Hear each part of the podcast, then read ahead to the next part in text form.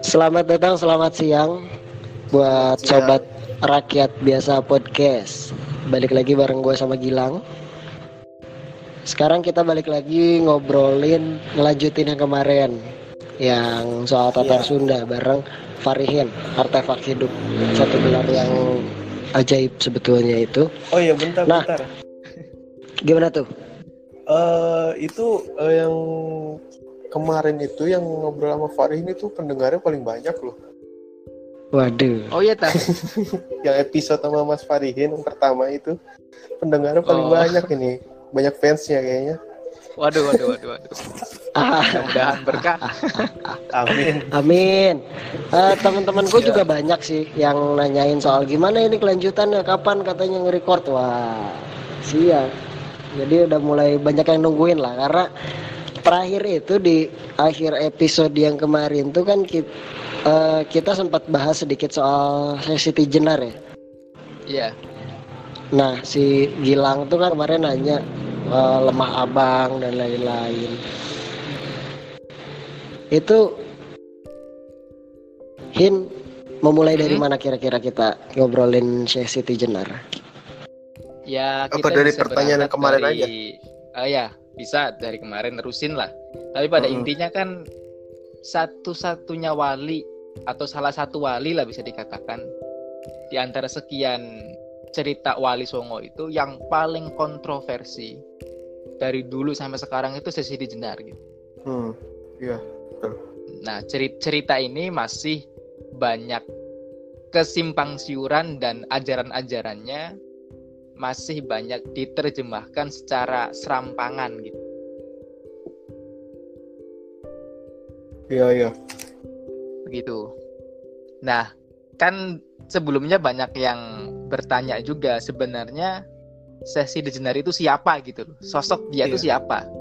Iya. Dia itu ada apa enggak sih gitu kan? Karena kalau kita merujuk pada cerita babat cerita Demak, babat tanah Jawi itu beliau dianggap jelmaan dari seekor cacing dari tanah merah yang menguping pembicaraan ilmu ma'rifat antara Sunan Bonang dengan Sunan Giri gitu. Di tengah-tengah laut begitulah sehingga karena sesi di Jenar ini hanya mendengarnya secara apa namanya tidak maksimal akhirnya menerjemahkan ajaran ma'rifat itu tidak secara maksimal juga gitu. Sehingga diplesetkan menjadi sebuah ajaran yang dianggap terlarang yang disebut manunggaling kawula Gusti atau penyatuan antara Tuhan dengan manusia gitu. Sehingga manusia terbebas dari kewajiban-kewajiban kewajiban dia sebagai eh, hamba begitu. Misalnya dia nggak sholat nggak puasa Iya, iya. gitu hanya eling tok gitu yang diterjemahkan serampangan oleh para pengikut-pengikutnya yang menyimpang dengan sebutan ajaran kejawen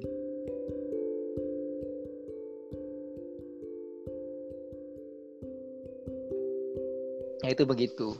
Nah mungkin dari teman-teman sendiri ada yang satu hal yang pengen di uh, kupas gitu loh. Apa nih yang yang paling menarik dari sesi sendiri gitu dari dari teman-teman gitu lah. Kira-kira apa nih gitu? Biar biar biar uh, biar saya kan enak gitulah kalau dipancing iya. gitu. Nah, iya, lebih Mas. lebih, lebih nah, komunikatif gitu. Iya, jadi eh, lanjutan dari pertanyaan yang kemarin aja mas. Jadi kan eh, kematiannya itu, mm-mm. kematian beliau itu kan masih simpang siur. Entah ada yang oh ya benar katanya dibunuh oleh eh, Wali Songo, eh bukan dibunuh, dipenggal ya karena ajarannya Mm-mm. itu kan membahayakan pada saat itu atau ada yang bilang di- beliau itu sakit Mm-mm. ya. Nah itu yang benarnya itu gimana kejadiannya? Menurut pandangan Oke. Mas Parihin. Oke. Eh, terkait dengan kematian Sesi Jenar ini memang banyak versi lah dan Iya. versi yang paling kuat artinya eh, kalau saya kan menghadirkan data gitu ya. Iya. Eh, kalau saya menghadirkan data silahkan dari para pendengar ataupun yang eh, mendengarkan ini bisa bisa menilai sendiri nantinya. Tapi dalam beberapa data itu termasuk di naskah Wangsakerta dan Ca- Purwaka Carubanagari versi pertama kalau beliau tuh di dieksekusi Hmm. di Masjid Sang Cipta Rasa di Cirebon. Dieksekusi menggunakan keris milik Sunan Gunung Jati namanya keris Kentanaga. Eh, dan itu juga matinya itu tusukan ke berapa gitu ya Itu kalau yang di catatan sih kalau nggak salah eh, ditusuk beberapa kali lah itu. Eh. Eh, ti- tiga kali atau lima kali gitu ditusuk gitu karena dengan pusaka-pusaka yang lain sesi Jenar tidak mati gitu loh, gitu, nggak iya. wafat gitu loh. Heeh. Akhirnya beliau mengeluarkan Sunan Gunung Jati mengeluarkan keris pribadinya, keris Kentanaga yang lalu dikasihkan ke Sunan Kudus sebagai eksekutornya, algojonya gitulah. Dan ternyata beliau meninggal. Itu. Versi yang kedua, Sesi Jenar dieksekusi di dalam Masjid Agung Demak. Eksekutornya Sunan Kudus juga, Ja'far Sodik nama aslinya. Atau Sunan Kudus, anaknya Sunan Ngundung atau Haji Usman. Nah, lalu dikuburkan di bawah mihrab, eh, mihrab ya, pengimaman, pengimaman Masjid Agung Demak. Gitu. Nah, kedua versi ini memang eh, beradu kuat gitu karena masing-masing versi ini punya data dari cerita-cerita babat tersendiri. Gitu. Yang satu babat Tanah Jawi yang di Demak, babat Demak. Yang satu naskah Wangsakerta dan Purwaka Carubanagari. Kalau yang versi Cirebon, beliau dimakamkan di wilayah Kemlaten sekarang. Kan juga kan Kemlaten itu karena waktu beliau meninggal jenazahnya bau harum gitu. Hmm, Jenazahnya bau harum sehingga wilayah tempat menguburkan sesi jenazah itu disebut Kemlaten, Pem- komplek pemakaman Kemlaten. Nama bloknya adalah Lemah Abang. Nah, di situ ada Lemah Abang satu, Lemah Abang dua, Lemah Abang tiga itu nama blok hmm. itu di wilayah Pasar Kali Tanjung sekarang. Di wilayah kota, Cir- kota. kota itu kota Kali Tanjung nama kelurahannya kalau nggak salah Graksan Hmm, Hmm, Graksan nah itu dua versi itu beradu kuat gitu loh antara dieksekusi di Cirebon dan dieksekusi di Mak sehingga makamnya beliau itu ada di mana-mana. Orang Tuban mengaku ada di wilayah Tuban makamnya Sesi Jenar. Orang Mantingan mengaku ada di Mantingan. Orang Demak mengaku ada di Demak. Begitu juga dengan Cirebon gitu mengaku ada di Cirebon sehingga kuburan Sesi Jenar ini ada di mana-mana gitu loh ada di mana-mana Oke, itu data yang sudah banyak di apa namanya dicerna ataupun dipelajari oleh eh, beberapa sejarawan lah yang terkait dengan data itu. Biasanya mereka pasti tahu tentang cerita-cerita itu. hmm, hmm. Di balik itu semua, di balik kontroversialnya sesi Jenar itu kemudian eh, muncul penelitian baru yang saya pikir ya menurut saya itu lebih akurat gitu loh. Karena di beberapa sumber Cirebon sendiri memang sesi Jenar itu dia dari Cirebon. Artinya dia pernah menjadi anak angkat Ki Danusela gitu. Gitu. Kita kita bicara kilas balik awal tentang sosok siapa beliau gitu kan. Kan kita kita Iya. mungkin belum pada ada yang tahu gitu ya iya siapa sebenarnya beliau gitu. Nah, Sesi Jenar ini nama kecilnya San Ali. beliau itu as eh, pendatang ya pendatang ya Nah, bapaknya itu dari orang Malaka, eh, orang Hmm. Aceh. Kakeknya orang Malaka. oh Mm-mm. Nah, bapaknya itu namanya Datuk Soleh. Datuk Soleh, anaknya Datuk Isa. Malaka.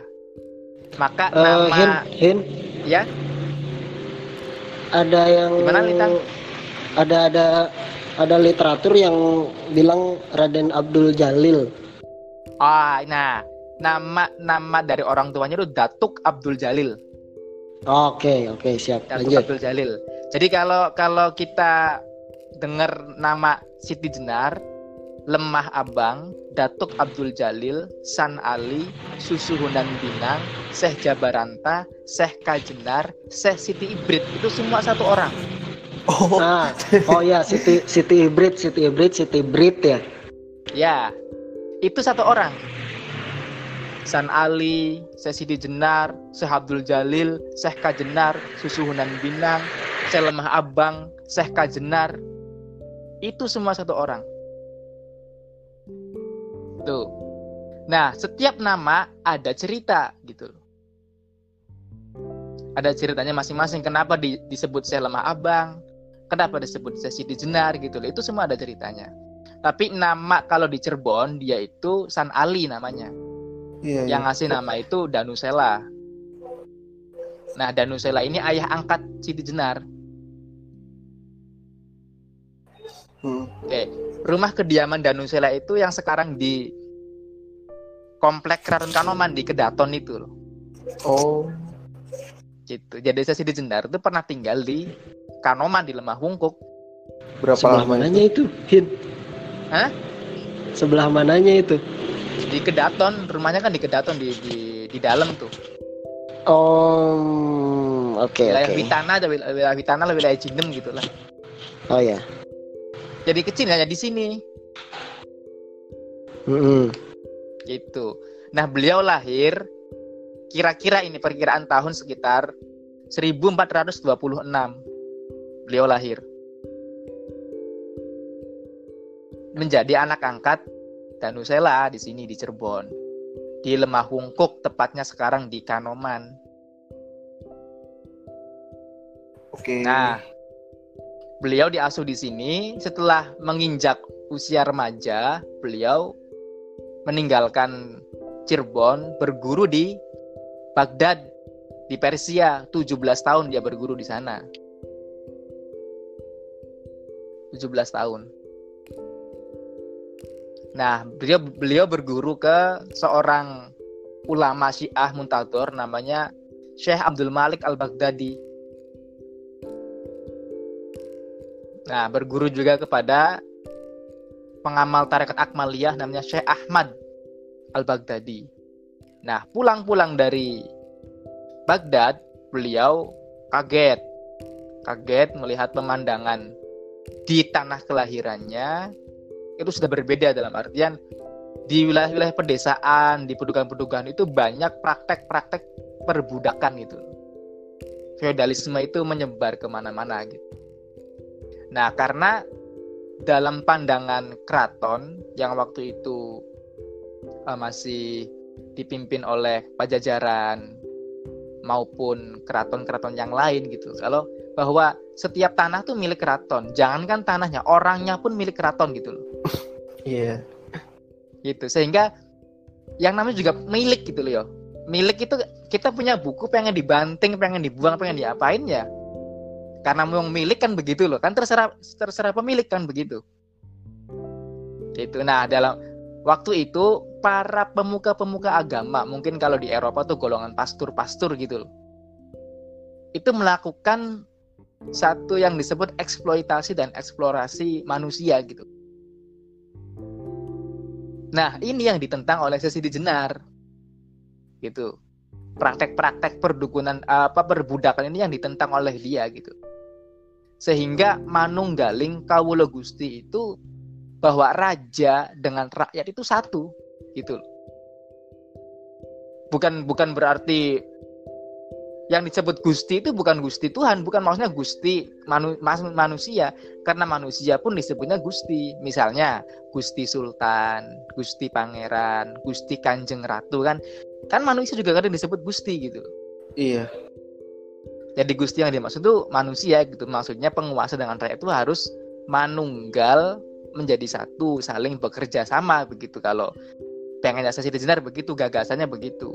Cuman gagasan beliau itu tidak diterima karena konsep manunggaling kawula Gusti itu mengancam eksistensi para penguasa Oh. gitu.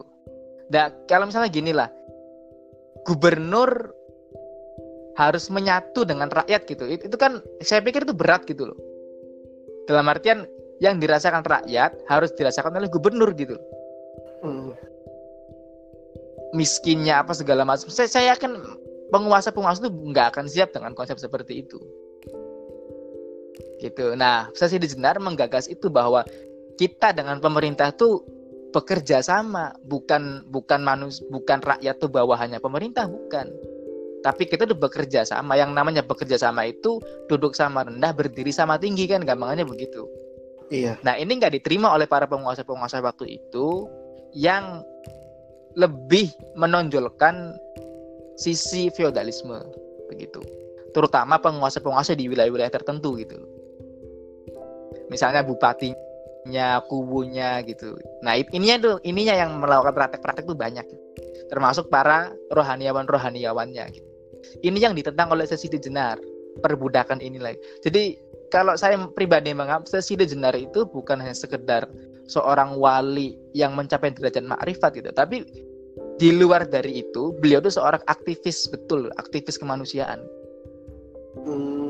karena mengangkat derajat hak dan martabat harga diri manusia gitu. Sehingga manusia itu dipandang sebagai manusia bukan hewan atau la- apalagi budak gitu. Itu. Nah, ini yang ditentang oleh para penguasa-penguasa wilayah termasuk para rohaniawan-rohaniawan yang memanfaatkan agama sebagai legitimasi dia titisan seorang dewa gitu. Nah, ini yang ditentang oleh Sidi. Jenar sehingga karena posisi Sidi Jenar mengancam para penguasa para penguasa ini kemudian memunculkan hoax gitu loh, memunculkan eh, cerita-cerita palsu yang kemudian menjadikan posisi Sidi Jenar sebagai pengamal ajaran sesat gitu. Oh, ho- udah dari berarti yang sekarang Hoaxnya ini- dari dulu lah. Oh, dari dulu, Dari dulu. berarti ya. dari dulu dari dulu makanya benar kalau kalau kalau Rocky Gerung mengatakan Rocky Gerung mengatakan begini yang paling yang paling mempunyai apa istilahnya eh, kekuatan untuk melakukan hoaxnya pemerintah gitu karena pemerintah punya alatnya gitu loh. Punya alatnya punya objeknya dan yang lainnya gitu loh. Itu pemerintah ya itu zaman segitu sudah memunculkan begitu. Hoax itu udah ada. Padahal padahal pada saat itu kayak media media belum ada gitu ya. Tapi Ya, bisa ya. ya me- me- media itu kan waktu itu kan setiap orang menjadi media gitu loh Iya. setiap orang tuh dari dulu itu makanya ada istilah ti- tutur tinular begitu getok tular itu emang dari dulu orang sudah menjadi media sebenarnya melalui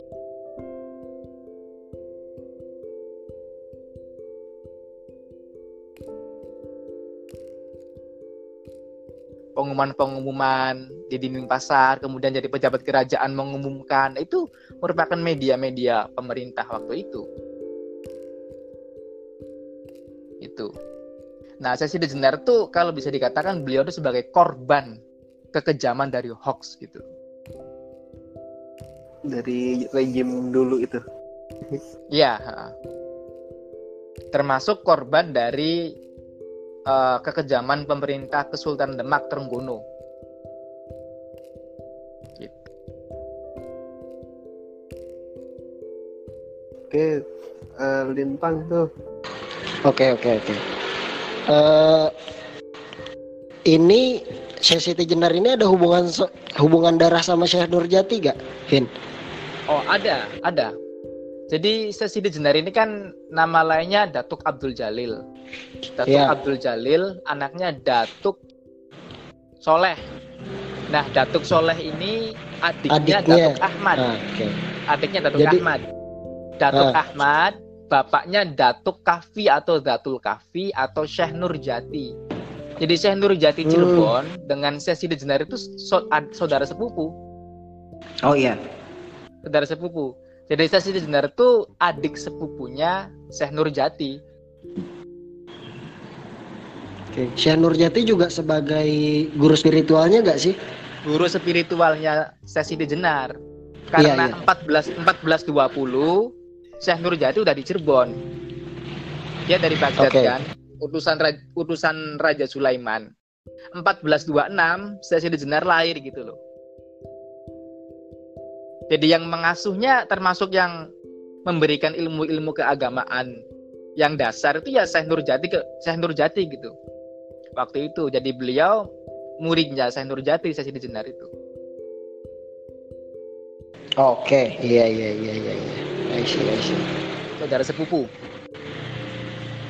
Gitu. Hmm, berarti memang memang sangat dekat gitu ya dengan dengan sangat dekat sekali Lingkungan sepupu. itu, jadi gitu. eh, sangat dekat sekali jadi yang selama ini digembar-gemborkan sesi Jenar itu Jawa Tengah, Jawa Timur, Jawa Tengah, Jawa Timur ternyata dia memang kecilnya lama di Cirebon gitu Hmm, Oke, iya. begitu. Nah kalau di Cirebon sendiri lebih terkenalnya disebutnya Syekh Lemah Abang Iya.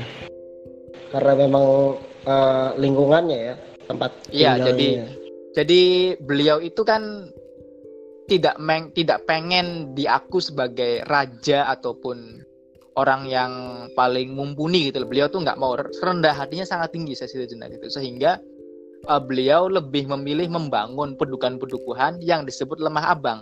Makanya lemah abang itu bukan hanya ada di Cirebon, di hampir setiap wilayah dari Banten sampai situ Bondo itu hampir semua ada wilayah lemah abang lemah abang. Di Madiun ada Ya. lemah abang, di Ngawi ada lemah abang, di Jakarta ada tanah abang, di Kerawang ada lemah abang, di Bekasi ada lemah abang. Itu hampir semua wilayah ada dukuh lemah abang. Nah itu wilayah garapan Sesi Jenar. Beliau Hmm. yang menciptakan komunitas lemah abang yang disebut masyarakat. Oke, masyarakat lemah ada. Nah masyarakat dari kata dari bahasa Arab musyarakah artinya orang yang Iya. bekerja sama. Musyarakah. Dari situ Oke, iya. Eh, dari situ kemudian apa namanya eh, muncul wilayah-wilayah lemah abang di mana manusia-manusia yang tinggal di wilayah lemah abang itu tidak ada feodalisme semua kita sama semua bekerja sama gitu gitu itulah ajaran Sesi Senar mirip sebagaimana Rasulullah membangun peradaban Madinah di Yasrib Hmm, mana orang Oke. bekerja sama gitu. Ansor dengan Muhajirin tuh posisinya sama. Bani Quraidah, Oke. Bani Qainuqah, Bani Nadir dengan golongan apa orang-orang Nasrani posisinya sama begitu. Hmm. Menghapus kesukuan, menghapus marga, menghapus apa namanya trah gitu loh sehingga semua ya sama gitu. Gitu. Iya iya iya. Nah, eh, aku masih penasaran nih, kayak oke disebut tadi lemah abang karena memang dia tinggal di di blok lemah abang gitu ya, lemah abang Hmm. satu dua dan sekian gitu. Nah, Iya. kalau dari tafsir nama Siti Jenar ini gimana Hin? Ini kan banyak banyak juga yang eh, ngebahas gitu ya, banyak yang. Iya. banyak artinya gitu loh. Kalau dari menurut pandangan Farihin gimana nih? Nah, Siti Siti itu kan artinya tanah. Iya. Siti tanah. Jenar itu warna merah kekuning-kuningan. Kenapa beliau disebut Siti Jenar? Karena beliau pernah menjadi guru agama, guru spiritual di wilayah atau di tanah yang tanahnya itu merah kekuning-kuningan. Itulah di wilayah Rembang Oh. gitu. Karena beliau mengajar di wilayah yang tanahnya ke merah kekuning-kuningan, maka beliau disebut Syekh Siti Jenar, seorang syekh yang mengajarkan ilmu di tanah merah yang kekuning-kuningan. Nah, kata Oke. tanah bahasa kitanya Siti dan tanah warna merah kekuning-kuningan itu jenar, maka disebut Syekh Siti Jenar. Gitu. Iya Oke, iya. begitu begitu begitu. Ada juga yang mengartikan ke ini ya kan jinar dengan tafsir ilmu yang dimiliki selalu membara gitu loh. Terus Iya. eh, menganggap hayalan Jinar, terbakar dari kata jin dan nar ah. api. Ah, ah, ah, ah. Enggak, itu ceritanya begitu. Itu bisa dicek di Suluk Abdul Jalil, karyanya Agus Sunyoto. Oke oke oke. Nah selama selama ajarannya ini dia dia eh, menyampaikan ajarannya kayak gimana sih Hin? Saya Siti Jenar ini. Jadi beliau yang mengasih ajarannya itu tergantung level manusianya. Kalau masih awal mualaf ya diajarkan ilmu-ilmu Islam dasar gitu. Nah, naik nanti naik satu tingkat lagi diajarkan tarekat, zikir-zikir tertentu yang memang menjadi jalan untuk sampai wusul kepada Tuhan gitu. Naik tingkat lagi oke. hakikat gitu. Naik tingkat lagi makrifat. Nah, itu semua murid-muridnya itu ada level-levelnya gitu. Sehingga beliau mengajarkan yang misalnya sesuatu ajaran yang memang itu hanya diajarkan oleh orang tertentu ya beliau akan sembunyi-sembunyi dengan orang-orang tertentu gitu. Kalau Iya, untuk iya. kelas-kelas awal ya semua di, di dihamparkan sama rata gitu. Karena ini masih awal. Oke. Naik tingkat lagi beda lagi begitu. Nah, beliau memang mengajarkan manunggaling kawal gusti konsep manusia menyatu dengan Tuhan tuh iya. Tapi itu kepada orang-orang tertentu bukan kepada masyarakat umum gitu.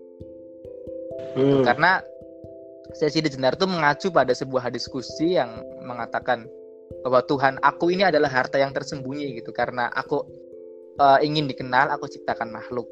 Nah, maka sejatinya makhluk itu adalah kholik gitu menurut sesi Jenar karena kholik menciptakan makhluk dari unsur nurnya kholik sendiri. Jadi aslinya manusia itu nggak ada gitu. Kita tuh nggak ada aslinya. Yang ada hanyalah Tuhan gitu. Maka manusia itu sebenarnya diadakan. Bukan ada, tapi diadakan. Maka kalau kita belajar dulu waktu di TK maupun kecil kan, wujud dambako begitu kan ya. Iya. Mukhalafatul hawadisi kan wujud itu kan ada sifat wajib Tuhan tuh yang nomor satu ada. Nah lawan Ada. dari sifat wujud itu adalah Adam. Adam, hudus, fana, mumasalatu lil hawadisi, ikhtiyaju li ghairihi. Itu kan nama-nama kebalikan dari Tuhan gitu loh. Iya. Misalnya wujud ada lawannya Adam. Wujud kidam, kidam itu kekal. Hudus, hudus tuh rusak gitu loh. Hmm, hmm. atau fana fana tuh rusak gitu kan begitu maka Adam tuh aslinya nggak ada Adam ada karena diada-adakan gitu loh. Istilahnya kalau Adam aja tidak ada apalagi anak cucunya kan begitu. Iya. nah jadi kita ini manusia menurut Sidi Jenar aslinya tidak ada. Yang ada hanyalah Tuhan. Maka tidak ada sesuatu yang tidak ada karena tidak ada itu ada. Oke. gelas ini kosong, airnya tidak ada, kosongnya itu ada. Ya, ya, ya. Nah, ya, ya. jadi Tuhan itu yang maha ada, manusia diadakan. diadakan, diciptakan. Iya, oke, oke. Kan sama, konsep-konsepnya kan sebenarnya kalau kita meniadakan diri itu konsep fana gitu kalau menurut Syekh Abu Yazid Al-Bastami itu. Fana itu artinya kita meleburkan diri, kita meniadakan diri, yang ada hanyalah Tuhan. Contoh, kalau kita punya pacar, itu kan kadang suka-suka bilang begini, aku tidak bisa hidup tanpa kamu. Ya, Iya. kayak gitu ya. Nah, itu kan sebenarnya kan dalam dia ngomong begitu kan dalam kondisi fana dia, dia meleburkan dirinya. Seakan-akan aku tuh nggak berarti apa-apa tanpa kamu. Jadi seakan-akan aku ini nggak ada yang ada tuh kamu gitu. Mm-mm. Nah, itu konsep fana. Iya. Sama seperti Tuhan dengan manusia begitu. Nah, kalau manusia mencapai derajat puncak cinta kepada Tuhan, dia akan mengatakan seperti itu. eh, berarti Saya eh, tidak ada, aku, yang ada hanyalah Tuhan. ya. Jadi aku dan kamu melebur menjadi kita. Mela- Melebur menjadi kita. melebur menjadi kita. Jadi kan kalau dalam kita belajar bahasa Indonesia kan ada kata pronon ya. Kata pronon tuh kata ganti kan ya. Ya, ya. Aku, kamu atau engkau juga dia. Kata ganti. Aku orang pertama, engkau orang kedua atau dia orang ketiga kan gitu ya. Orang ketiga. Ya. orang ketiga gitu ya. Nah, aku, engkau, dia ini kalau mati kembalinya kepada siapa gitu? Kalau mati gitu, kalau meninggal kembalinya kepada siapa? Kan kan kepada Tuhan gitu loh. La ilaha illa ana. Kata Tuhan kan tidak ada Tuhan kecuali aku. La ilaha illa anta, tidak ada Tuhan kecuali engkau. La ilaha illa huwa, tidak ada Tuhan kecuali dia gitu. Nah, aku engkau dia ini kan ini kan fana gitu loh. Ini kan ya nggak kekal gitu kan. Jadi kan hudus gitu. Maka akan kembali kepada yang kekal. Akan kembali kepada yang ada. Maka sebenarnya kita ini tidak ada. Yang ada hanyalah Tuhan. Jadi jangan banter-banter bilang ini mobilku atau ini anuku gitu. Karena kunya akan kembali kepada Tuhan gitu. Makanya ada istilah dalam agama harta adalah titipan, anak adalah titipan misalnya gitu kan. Iya, Istri betul, betul. adalah titipan gitu. Karena kita cuma dititipi. Dititipi ak- aku, dititipi kamu, dititipin dia gitu loh. Nanti aku Hmm, kamu hmm, dia ini akan kembali kepada yang mempunyainya. Iya, iya. Nah, gampang aja gitu. Nah, itu kata Sesi Dinar loh. Ah, Berarti Tuh. konsep-konsep eh, masuk kepada ranah-ranah apa ya, eh, bersyukur, tawakal, ke Iya. sana berarti arahnya ya. Hmm. Ya, begitu. Itulah itulah kenapa eh, istilahnya manusia itu tidak punya kewenangan untuk mempunyai rasa memiliki gitu. Rasa memiliki pada yang sebenarnya gitu ya. Karena Iya, kita nggak punya iya, iya. pernah memiliki apa pun gitu. Kita la- lahir telanjang tanpa membawa apa pun, gelar, harta, apa segala macam. Karena sem- Kembali semuanya itu tidak tidak berarti apa-apa karena akan kembali semua gitu. Oke, tidak oke. membawa apa pun ya. Gitu. Nah, ya. jadi kalau jadi misalnya kita jadi misalnya kita gini apa namanya? Kita punya HP gitu, Lintang punya HP lah. Iya, Terus HP-nya hilang. iya. Lintang merasa kehilangan HP kan karena Lintang merasa memiliki HP kan gitu. Betul, betul, betul. Kan aslinya kita nggak punya HP aslinya seben- sebenarnya gitu loh. Nah karena Iya. kita dasar pemikirannya adalah kita nggak punya apa-apa, ya kita nggak pernah kehilangan apa-apa gitu. Betul. Oke, oke, oke. Gitu.